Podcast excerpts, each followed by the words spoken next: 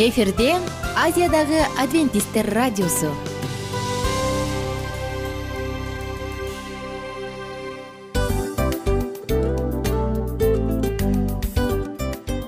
Достор салют. Баардык сүйүктүү угармандарыбызга салам айтабыз. Кутман күнүңүздөр менен.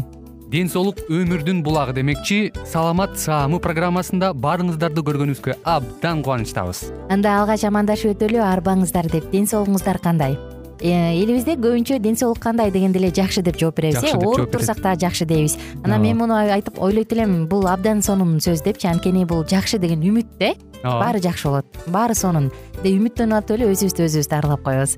Анысы кандай сиздин дагы ден соолугуңуз жакшы беш деген үмүттөбүз чындыгында ден соолук бул өмүрдүн булагы деп бекеринен айтылган эмес деп ойлойм. Кыргыз элинде анткени эгерде ден соолук жок болсо анда адамдын жашоосунда калган баардык керектүү маңыздуу нерселер өзүнүн баалуулугун жоготуп коет. Ошондуктан ден соолук бул эң керектүү нерсе. Ооба туура айтасың кесиптешим. Чынында ден соолугуң жок бир эки үч күн ооруп калсаң эле э кандай болуп калат? Жашоодо көз каранды болуп каласың көп нерсеге жетишпей каласың көп нерсени кыла албай каласың жада калса эчке дүкөнгө да чыга албай каласың. Туптуура анан ден соолук болсо демек биз биздин бактыбыз тоодой деп койсок болот.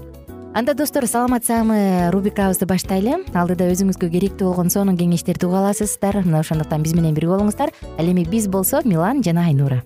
Кеттик алга. Алга саламат саама ден соолуктун жарчысы. Саламат саама ден соолуктун ачкычы. Күн сайын сиз үчүн мыкты кеңештер сонун жаңылыктар кызыктуу фактылар биздин рубрикада.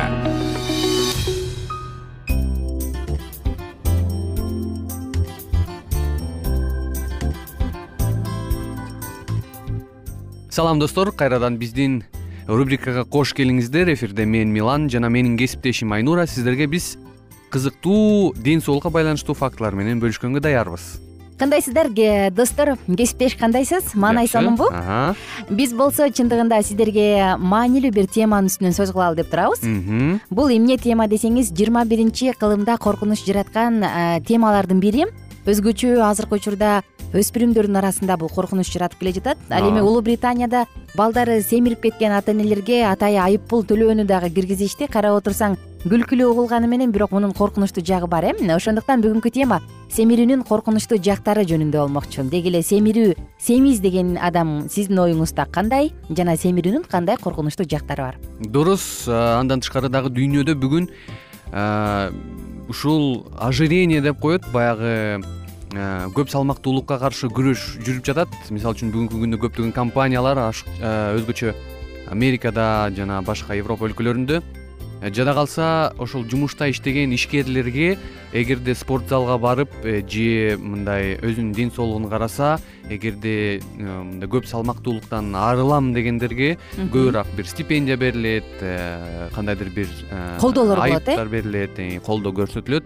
Бунун баардыгы достор чындыгында бүгүнкү жыйырма биринчи кылымдын эң бир оор жана чоң көйгөйлөрүнүн бири бул чындыгында ашык салмактуулук. Биздин кыргызстанда жана биздин элибизде бул барбы жокпу ошол жөнүндө бүгүн сүйлөшөбүз. Негизи эле ашык салмак же адамды семиз деп качан айтыш керек? Эгерде адамдын денесинин индекси э, денесинин салмагынын индекси жыйырма беш же жыйырма бештен жогору болсо демек ал ашыкча салмактуу толук деп эсептелет экен эгерде дененин салмагынын индекси отуздан ашып кетсе демек ал май басып кеткен же семирген деп айтылат экен элестетип көр бул май басууга жатат экен дененин индексин кантип эсептеш керек биз буюрса алдыда уктурууларда айтып беребиз э бул жөнүндө ал эми азыр болсо улантсак. Ооба чындыгында дүнүөлүк э, саламаттыкты сактоо уюму бул эң чоң көйгөйлөрдүн бири дейт. Жана ошол сунушталган э, индекстин дененин индексин. Чындыгында буну биз сурашыбыз мүмкүн. Эмне болгон индекс анысын кантип ченейм? Аны мен менин өз денемди кантип билсем болот деп сурасаңыздар. Чындыгында бул өтө оңой эле. Бүгүнкү күндө мисалы үчүн Э, адамдын боюна жараша анын жашына жараша э, ошого ошонун э, майынын салмагын эсептешет экен бүгүнкү күндө мисалы үчүн браслеттер фито браслеттер бар анан көптөгөн мисалы үчүн девайстар менен бүгүн оңой эле билип алсак болот. Туура айтасың анан адамдын сөөгү дагы эске алынат э ичке сөөктүүбү орточо сөөктүүбү же жоон сөөктүүбү ошого жараша эсептеп туруп анан билсе болот экен. Мисалы эки миң он алтынчы жылда бүткүл дүйнөлүк саламаттыкты сактоо уюму жер жүзүндө бир бүтүн ондон тогуз миллиард адам бул он сегиз жаштан жогорукулар ашыкча салмак менен кыйналып келишет деп айтышат да. Элестетип көр анан алардын арасында эң эле биринчи кезекте коркунуч туудурган бул кант диабети бар экен. Экинчи типтеги экинчи түрдөгү рак оорулары өтө кеңири кездешкен жана жүрөк кан тамыр оорулары дейт. Андан дагы бир кызыктуусу бир миң тогуз жүз жетимиш бешинчи жылдан баштап эки миң он алтынчы жылга чейин ошол ашык салмактуулук менен ооругандардын саны чындыгында үч эсе көбөйөт экен үч эсе. Бирок бир ошол ошол бойдон токтоп калбастан андан ары көбөйөт дешет эгерде бүгүнкү күндө биз кандайдыр бир чектөө кандайдыр бир контролго албасак. Эмне себептен адам семирип кетет балким бир аз сөз кыла кетпейлиби э эмне адамды май басууга же семирүүгө алып келет? Өзгөчө жогоруда айтып өтпөдүмбү өспүрүмдөрдүн арасында кеңири таркалып атат деп. Бул биринчи эле кезекте албетте кыймылсыздык. Аз кыймылдагандык. Экинчи кезекте май же болбосо жаныбарлардын майы деги эле майлуу азыктарды көп колдонуу экен. Газдалган таттуу суусундуктарды көп ичүү. Жана башка ушул сыяктуу факторлор адамдын семирип кетүүсүнө түрткү болот. Дагы бир кызыктуусу айнура сен айтып кеткен ошол аз кыймылдуулук жана майлуу тамактардын көбөйүшү дейт. Бүгүнкү күндө ошол жыйырма биринчи кылымда фаст фуд жана баягы майлуу тамактардын баягы гастрономиянын өнүгүшү ушуга түрткү болду да. Бирок ошол эле заматта жыйырма биринчи кылымда баягы технологиянын прогресси бүгүн мисалы үчүн кыргызстандыктардын ар бир экинчи үй бүлөдө унаа бар э кээ бир үй бүлөлөрдө эки үч унаадан бар. Бүгүн мисалы үчүн биз каяка гана барбайлык лифт менен чыгабыз эскалатор менен колдонобуз ышыгылып адам бүгүнкү күндө бүгүнкү күндү бүгүнкү кылымдын адамы э, абдан көптөгөн баягы комфорт сен айтып кеткендей чынында комфортко бөлөнүп э, эгерде мурун адам бир миң тогуз жүз жетимиш бешинчи жылга чейинки орто эсеп менен адам э, талаада иштеген э, заводдо иштеген бир кара жумуш менен иштеген болсо көбүнчөсү. Бүгүн тилекке каршы биз баягы офис кеңселерде отурабыз. кеңсе планктонун көбөйүп и ушуга байланыштуу чындыгында биз буга кандай тоскоол кылып кантип кабыл алышыбыз керек ошол жөнүндө кийинки программаларда да айтсак абдан сонун болмок. Эске алабыз чындыгында сонун болмок. Анда эмесе достор адам семиз деп качан айтылат? Ал жөнүндө айттык кайсы убакта семирүү коркунучунун алдында турганын да айтып өттүк. Мындай экен таң калыштуусучу адамдын жеген тамагы мисалы биз бул пайдалуу же болбосо анда санда бир жеп коем же болбосо кечинде эми жарым эле кусок торт жеп коеюн десек дейт. Бир диетолог айтат ошол тортту курсагыңдын жанына алып келип кой дейт да ошону жегендейин сенин курсагың ошончолук чоңоет деп. Ошондо сен аны жегиң келеби же табитиң тартабы дейт да. Ооба. Анан анысы кандай биздин кечки убакта тамактанганыбыз туура эмес жашоо образы булардын баардыгы тең адамды семирүүгө алып келүүчү коркунучтуу нерселер.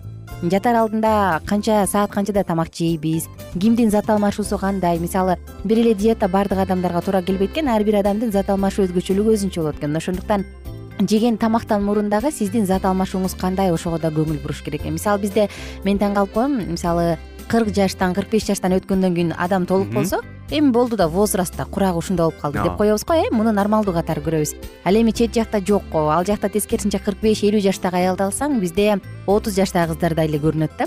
Тагыраак айтканда биз кээ бир нерсени эми болду да балабыз чоңойду неберелүү болдук эми болду да деп туруп өзүбүздүн келбетибизге көңүл бурбай коет экенбиз чындыгында индивидуалдуу деңгээлде ар бирибиз бүгүн жөн эле тамак жей бербестен эгерде буга чейин биз ойлонбостон э, жеп жүрө берсек бүгүн болсо биздин ооз көңдөбүзгө эмне кирип атканын контролдоп өзүбүз башкарбасак болбой калды. Кичинекей балдардан баштап чоңдорго чейин. Албетте бүгүн майлардын майлуу тамактардын көлөмүн азайтып көбүрөөк э, көк сак жер жемиштерди жеп э, жанагындай буудай неме жаңгактардан көбүрөөк жейли достор убактыбыз аз калды. Коштошобуз сиздер менен кийинки уктуруулардан амандашканча кийинки уктурууда дагы буюрса темабызды улантабыз анда эмесе амандашканча.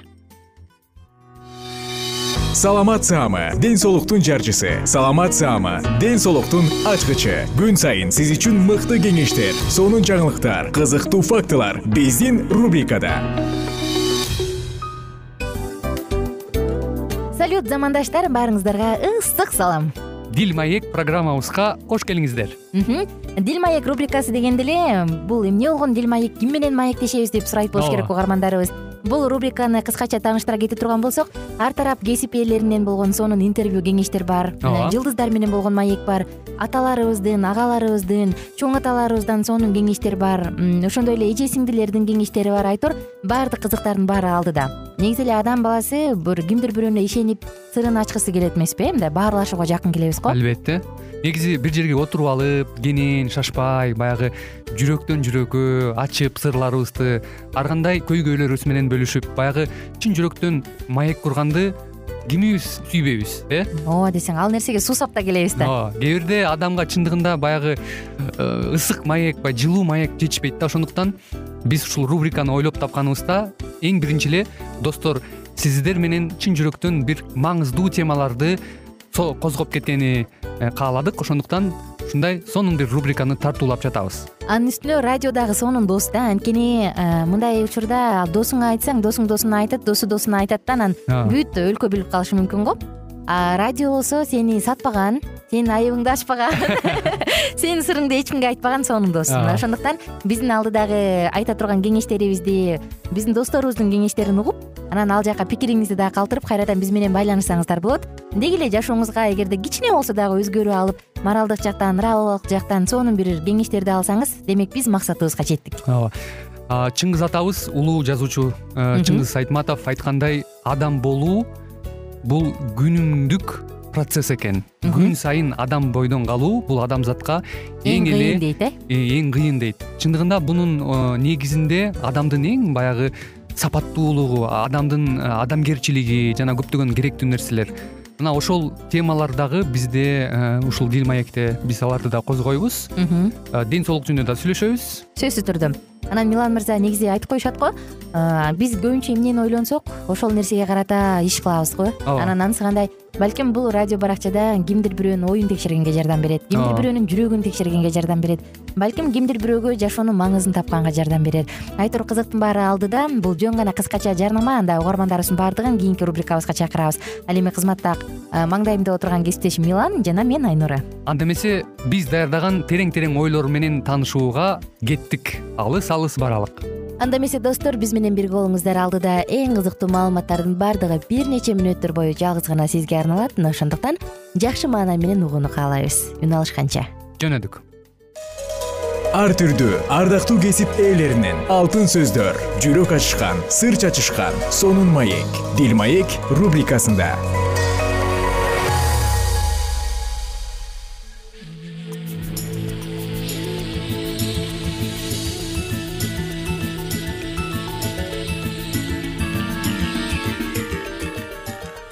саламатсыздарбы ардактуу радио угуучуларыбыз. Кайрадан эле сиздердин назарыңыздарда бактылуу никенин баалуу эрежелери аттуу берүүбүздө кездешип жатканыбызга өтө кубанычтабыз. Бүгүнкү программабыздын чыгарылышында биз сиздер менен бала жашооңорго деги эле кандай таасирин тийгизет ушул туурасында бир нече кеңештер менен бөлүшүп өтмөкчүбүз. Кайрадан эле кызматыңыздарда мен улан кубанычбеков жана ошондой эле менин кесиптешим. Жана мен асель мамбетова саламатсыңарбы үй бүлөлүк жашоодо сиздин чүрпөңүз жашооңузга кандай таасир этет? Ушул туурасында сүйлөшөлү. Чүрпөлүү болгондо ата эне бир чети кубанычы койнуна батпай сүйүнсө бир чети тынчсызданат. Адатта жаш ата эне убактысы менен күчүнүн көбү баласына кетип жатканын көрүп таң калат уйкудан калгандыктан жана маанайлары тез өзгөрүп өйдө төмөн боло бергендиктен алардын өз ара мамилеси начарлашы мүмкүн андайда жубайлар баласына да кам көрүп мамилелерин да чындай алышы үчүн айрым өзгөрүүлөрдү жасашы керек болот. Биз бүгүнкү берүүбүздө дал ушул кеңештер мындай кыйынчылыктарды чечүүгө кантип жардам берет? Ошол тууралуу сүйлөшөбүз. Ошондой эле биринчиден жашооңордун өзгөргөнүн түшүнгүлө. Ошондой эле аял заты көз жаргандан кийин эненин оюнун баары эле жаңы төрөлгөн ымыркайында болуп калгандыктан. Күйөөсү өзүнө такыр көңүл бурулбай калгандай сезиле башташы мүмкүн. Ошондуктан аялдар күйөөсүн да көңүл бурууга муктаж экенин унутпашы керек. Чыдамкай боорукер болуу менен силер аялдар күйөөңөргө өзүн керектүү сезүүгө жардам берип балаңарды карашууга түрткү бере аласыңар. Ал эми силер күйөөлөр мындан ары да аялыңарга алган билимиңерге жараша мамиле кылгыла. Жубайларыңардын күчүнүн көбү балаңарга кам көрүүгө кетип жатканын унутпагыла. Ага эне катары жаңы милдеттер аткарылгандыктан тынчсызданышы чарчашы атүгүл көңүлү чөгүшү кээде силерде да жактырбашы мүмкүн. Ошондой учурларда өзүңөрдү кармай билгиле анткени ачууланууга шашпаган киши эр жүрөктөн артык кыракы болуп аялдарыңарды жөлөп таягыла деген кеңештерди беребиз сөзсүз түрдө мына ушундай кеңештерди кабыл алуу менен биргеликте ардактуу мырзалар сиздер дагы бүгүнкү учурда жаңыдан үй бүлө куруп балалуу болуп ушундай олуттуу көйгөйлөргө туш болуп турган болсоңуз бирок өзүңүздүн жубайыңызга карата болгон мамилеңизде ага түшүнүк менен мамиле кыла турган болсоңуз мунун баардыгын алдын ала жеңгенге жакшы бир өбөлгө түзүп берген болот экенсиз андыктан ардактуу мырзалар сиздерди ушул нерсеге чакыруу менен биргеликте бул жаатта эмне кылсаңар болот? Ушул туурасында дагы сүйлөшүп өтөлү. Аталар баланы кароого түн ичинде да жардам бергиле. Жубайыңар менен балаңарга көбүрөөк көңүл буруш үчүн башка иштерге жумшаган убактыңарды чектегиле. Ал эми энелер күйөөңөргө баланы кароого жардам бергиси келсе каршы болбогула. Кайсы бир нерсени оюңардагыдай кылбаса аны сындабай кантип кылышты жумшактык менен көрсөтүп бергиле мына ушул нерселерди эске алуу менен биргеликте дагы сиздер мамилеңерди чыңдай бергенге дагы жакшы шарт түзгөнгө аракет кылсаңар болот. Аял менен эркек экөө бир дене болот. Башыңарга баш кошулса да жарыңар экөөңөр бир дене бойдон кала берээриңерди унутпагыла. Мамилеңерди ысык бойдон сактоого бүт күч кубатыңарды жумшагыла аялдар жолдошуңарга жардамы колдоосу үчүн ыраазычылык билдиргиле. Силердин жылуу сөзүңөр даарыдай даба болуу шексиз. Күйөөлөр зайыбыңарды сүйгөнүңөрдү бааларыңарды билдирип зор эмгеги үчүн мактап тургула. Үй бүлөдө ар бир адам өзүнүн эмес башканын пайдасын көздөсүн. Ошондо гана үй бүлө сакталат. Дайыма жарыңардын жыргалчылыгын ойлогула бири бириңерди кунт коюп уккула мактагыла пикир алышкыла. Жыныстык мамиледе да жарыңардын пайдасын көздөп анын муктаждыктарын эске алгыла. Түгөйлөр өз ара макулдашып алгандан башка учурларда жубайлык милдетин аткарышы керектигин билебиз. Андыктан бул тууралуу ачык сүйлөшкүлө. Чыдамдуу болуп бири бириңерди түшүнө билсеңер мамилеңер ынак болот. Бул тууралуу дагы эмне кылсаңар болот? Жарыңар менен өзүнчө убакыт өткөрүүгө мүмкүнчүлүк тапкыла смс жөнөттүү чакан белек берүү сыяктуу майда чүйдө иштер аркылуу аны сүйүүңөрдү билдирип тургула. Ошондой эле адатта балдарыңызды дагы окуп үйрөтүүгө аракет кылгыла. Балаңарды кантип тарбиялай тургандыгын ойлонгула. Атүгүл курсакта жатканда эле айрым нерселерди үйрөтүүгө жөндөмдүү болот. Алсак үнүңөрдү таанып кандай сезимде болуп жатканыңарды туя алат. Ошондуктан ага төрөлгөндөн тартып эле китеп окуп бергиле ал окуганыңарды түшүнбөсө да китепке жакын болуп чоңоет. Андан сырткары эмне кылсаңар болот? Кичинесинен тартып үйрөнө бериш үчүн ага үйрөткүңөр келген негизги ойлорду сөздөрдү кайра кайра айта бергиле. Ошондой эле сиздердин жашооңуздарга бала менен кошо келген бата туурасында дагы айтып өтөлү. Убакыттын өтүшү менен ата эне катары тажрыйба топтоп өзүңөрдү ишенимдүү сезип каласыңар бала тарбиялоонун аркасында мээримдүү чыдамдуу боорукер болууга үйрөнөсүңөр. Эгер ынтымактуу болуп бири бириңерди колдоп билсеңер мурдагыдан да ынак болуп каласыңар. Андан тышкары бул нерсе тууралуу ойлонуп көрсөңөр болот. Акыркы жуманын ичинде жарымдын үй бүлөбүз үчүн кылган эмгегине кантип ыраазычылык билдирдим эле аны менен балабыз жөнүндө эле эмес өзүбүз жөнүндө акыркы жолу качан сүйлөштүм эле деп өзүңүзгө өзүңүз суроо салсаңыз болот. Ошондуктан кымбаттуу ата энелер бала тарбиялоо жаатында койгон талаптарга бек кармануубуз дагы абдан маанилүү экен. Ата энелер балдарын тарбиялоодо койгон талаптарга бек карманышса балдар да ошондой сезимде болушат эгер ата энелер маанайына жараша талаптарын өзгөртө беришсе балдар эмне кылышты билбей башы маң болуп кыжырданышы мүмкүн. Ооба деген сөзүңөр ообаны жок деген сөзүңөр жокту билдирсин деп айткан жакшы сөз бар эмеспи. Ата энелер да ушул кеңешке ылайык иш кылса натыйжасы жакшы болот. Кылбай турган нерсени айтып шарт коердон мурун жакшылап ойлонгула балаңарга туура эмес кылганы үчүн жазалай турганыңарды айтсаңар. Айтканыңарга жараша кылгыла. Ардактуу радио каармандарыбыз ушул нерселерди эске алуу менен биргеликте жогорудагы айтылган баардык кеңештер сиздердин жашооңуздарды туура нукка бура берсин деген тилек менен бүгүнкү программабызды жыйынтыктамакчыбыз.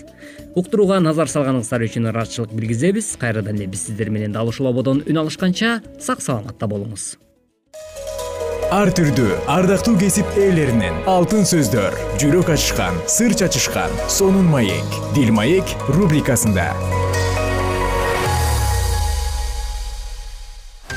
Жан дүйнөңдү байыткан жүрөгүңдү азыктанткан жашооңо маңыз тартуулаган жан азык рубрикасы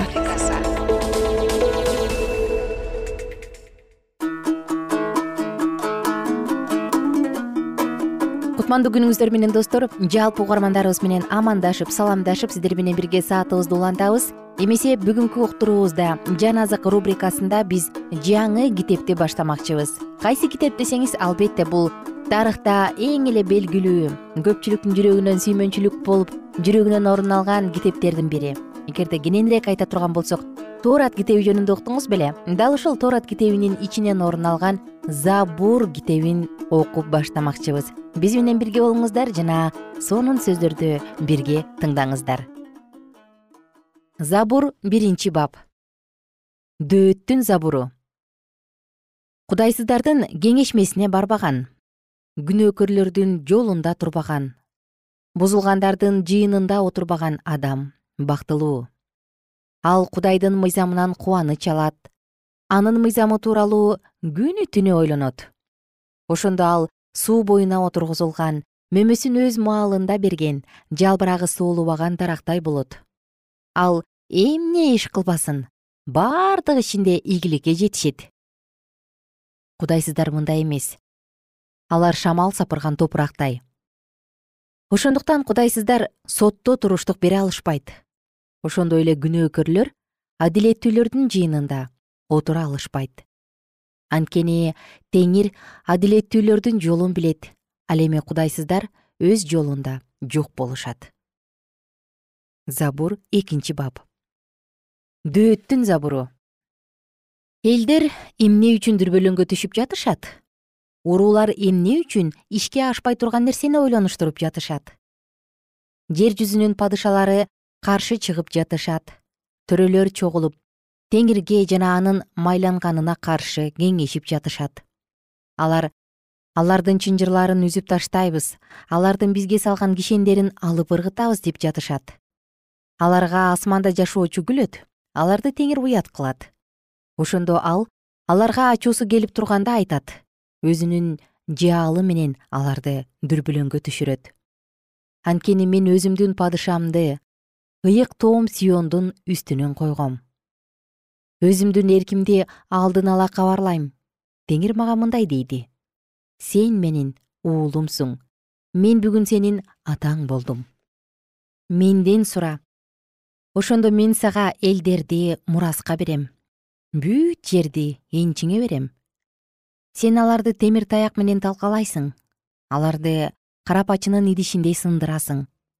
Ошондуктан падышалар акылыңарга келгиле жер жүзүнүн башкаруучулары сабак алгыла теңирге коркунуч менен кызмат кылгыла титирөө менен кубангыла уулун сыйлагыла.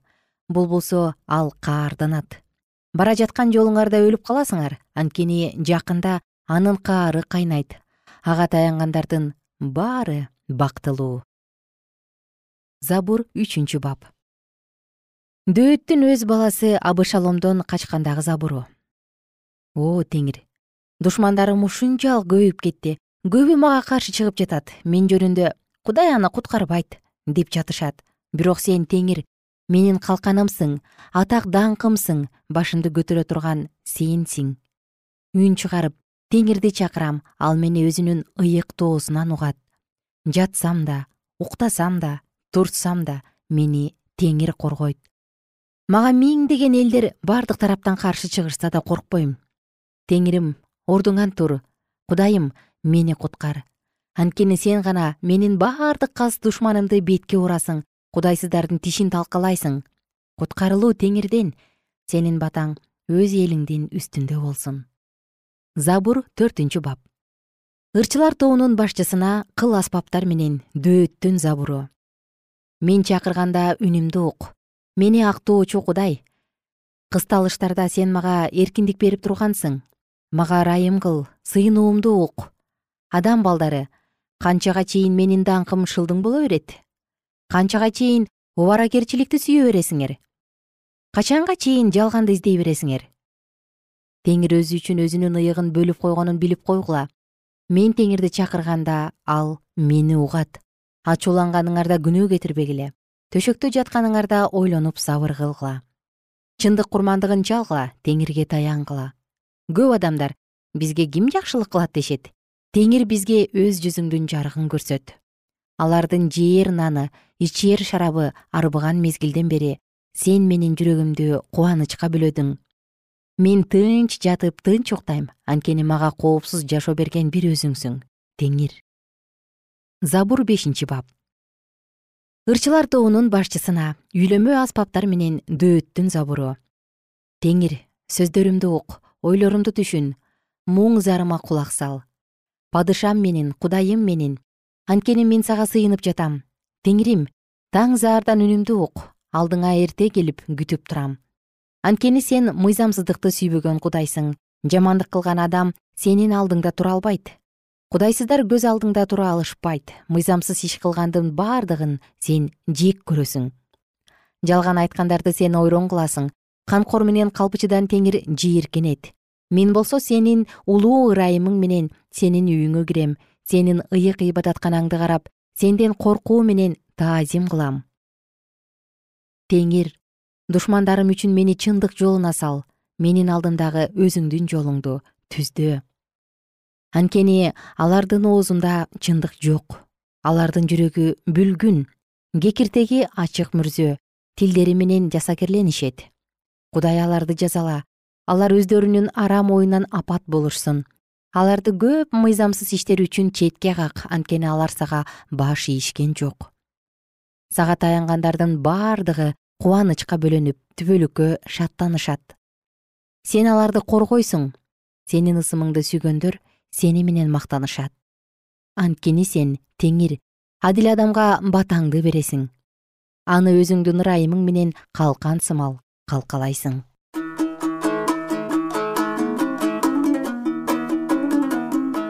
Кымбаттуу достор сиздер менен бүгүн биз забур китебинен биринчиден бешинчи бапка чейин бирге окуп өттүк.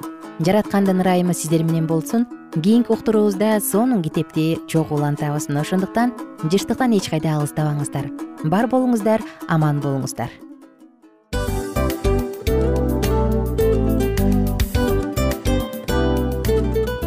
достор биздин радио баракчаларыбыз соңуна келди. Демек бул программабызды дагы жыйынтыктачу учур келдик. Учурга келдик. Анан кесиптешимден сурагым келип турат. Негизи эле иштин башталып атканы кубандырабы сени же жыйынтыгы кубандырабы? Албетте жыйынтыгы. Себеп дегенде сен кылган ишиңдин жыйынтыгын көрүп э, баягы мөмөсүн көрүп дегендей жыргайсың жүрөгүң жемишинен татып э? Кандай даамдуу деп. Баягы буудай сепкенде эмес буудай эгинди жыйнагандан кийин ысык нанды жегенде кадимкидей ырахаттанасың го? Ой айтпа туура айта кеттиң сонун салыштыруу болду. Анан мен дагы абдан кубанып турам анткени биз угармандарыбыз үчүн аябай эмгектенип келген уктуруубуздун соңуна келип калдык. Анан эми э, уктуруубуздун соңунда угармандар кандай пайда алып калды экен деп күтүп турам да. Балким э, менин жашоомо өзгөрүү киргизе турган сонун сөздөр болду. Мен ушул нерсени изилдеп анан кабыл албасам ушул нерсени кылбасам деген чечим чыгарсаңыз анда биз абдан кубанычтабыз. Сөзсүз түрдө андыктан кийинки биздин кызыктуу уктурууларыбыздан көрүшкөнчө сак саламатта калыңыздар чыдамсыздык менен сиздерди мен милан жана кесиптешим айнура күтөбүз. Баардык угармандарыбызга ийгиликтүү күн каалайбыз. Качан гана болбосун уртуңуздан жылмаюу кетпесин үйүңүздө көмүр жүрөгүңүздө көңүл болсун дейли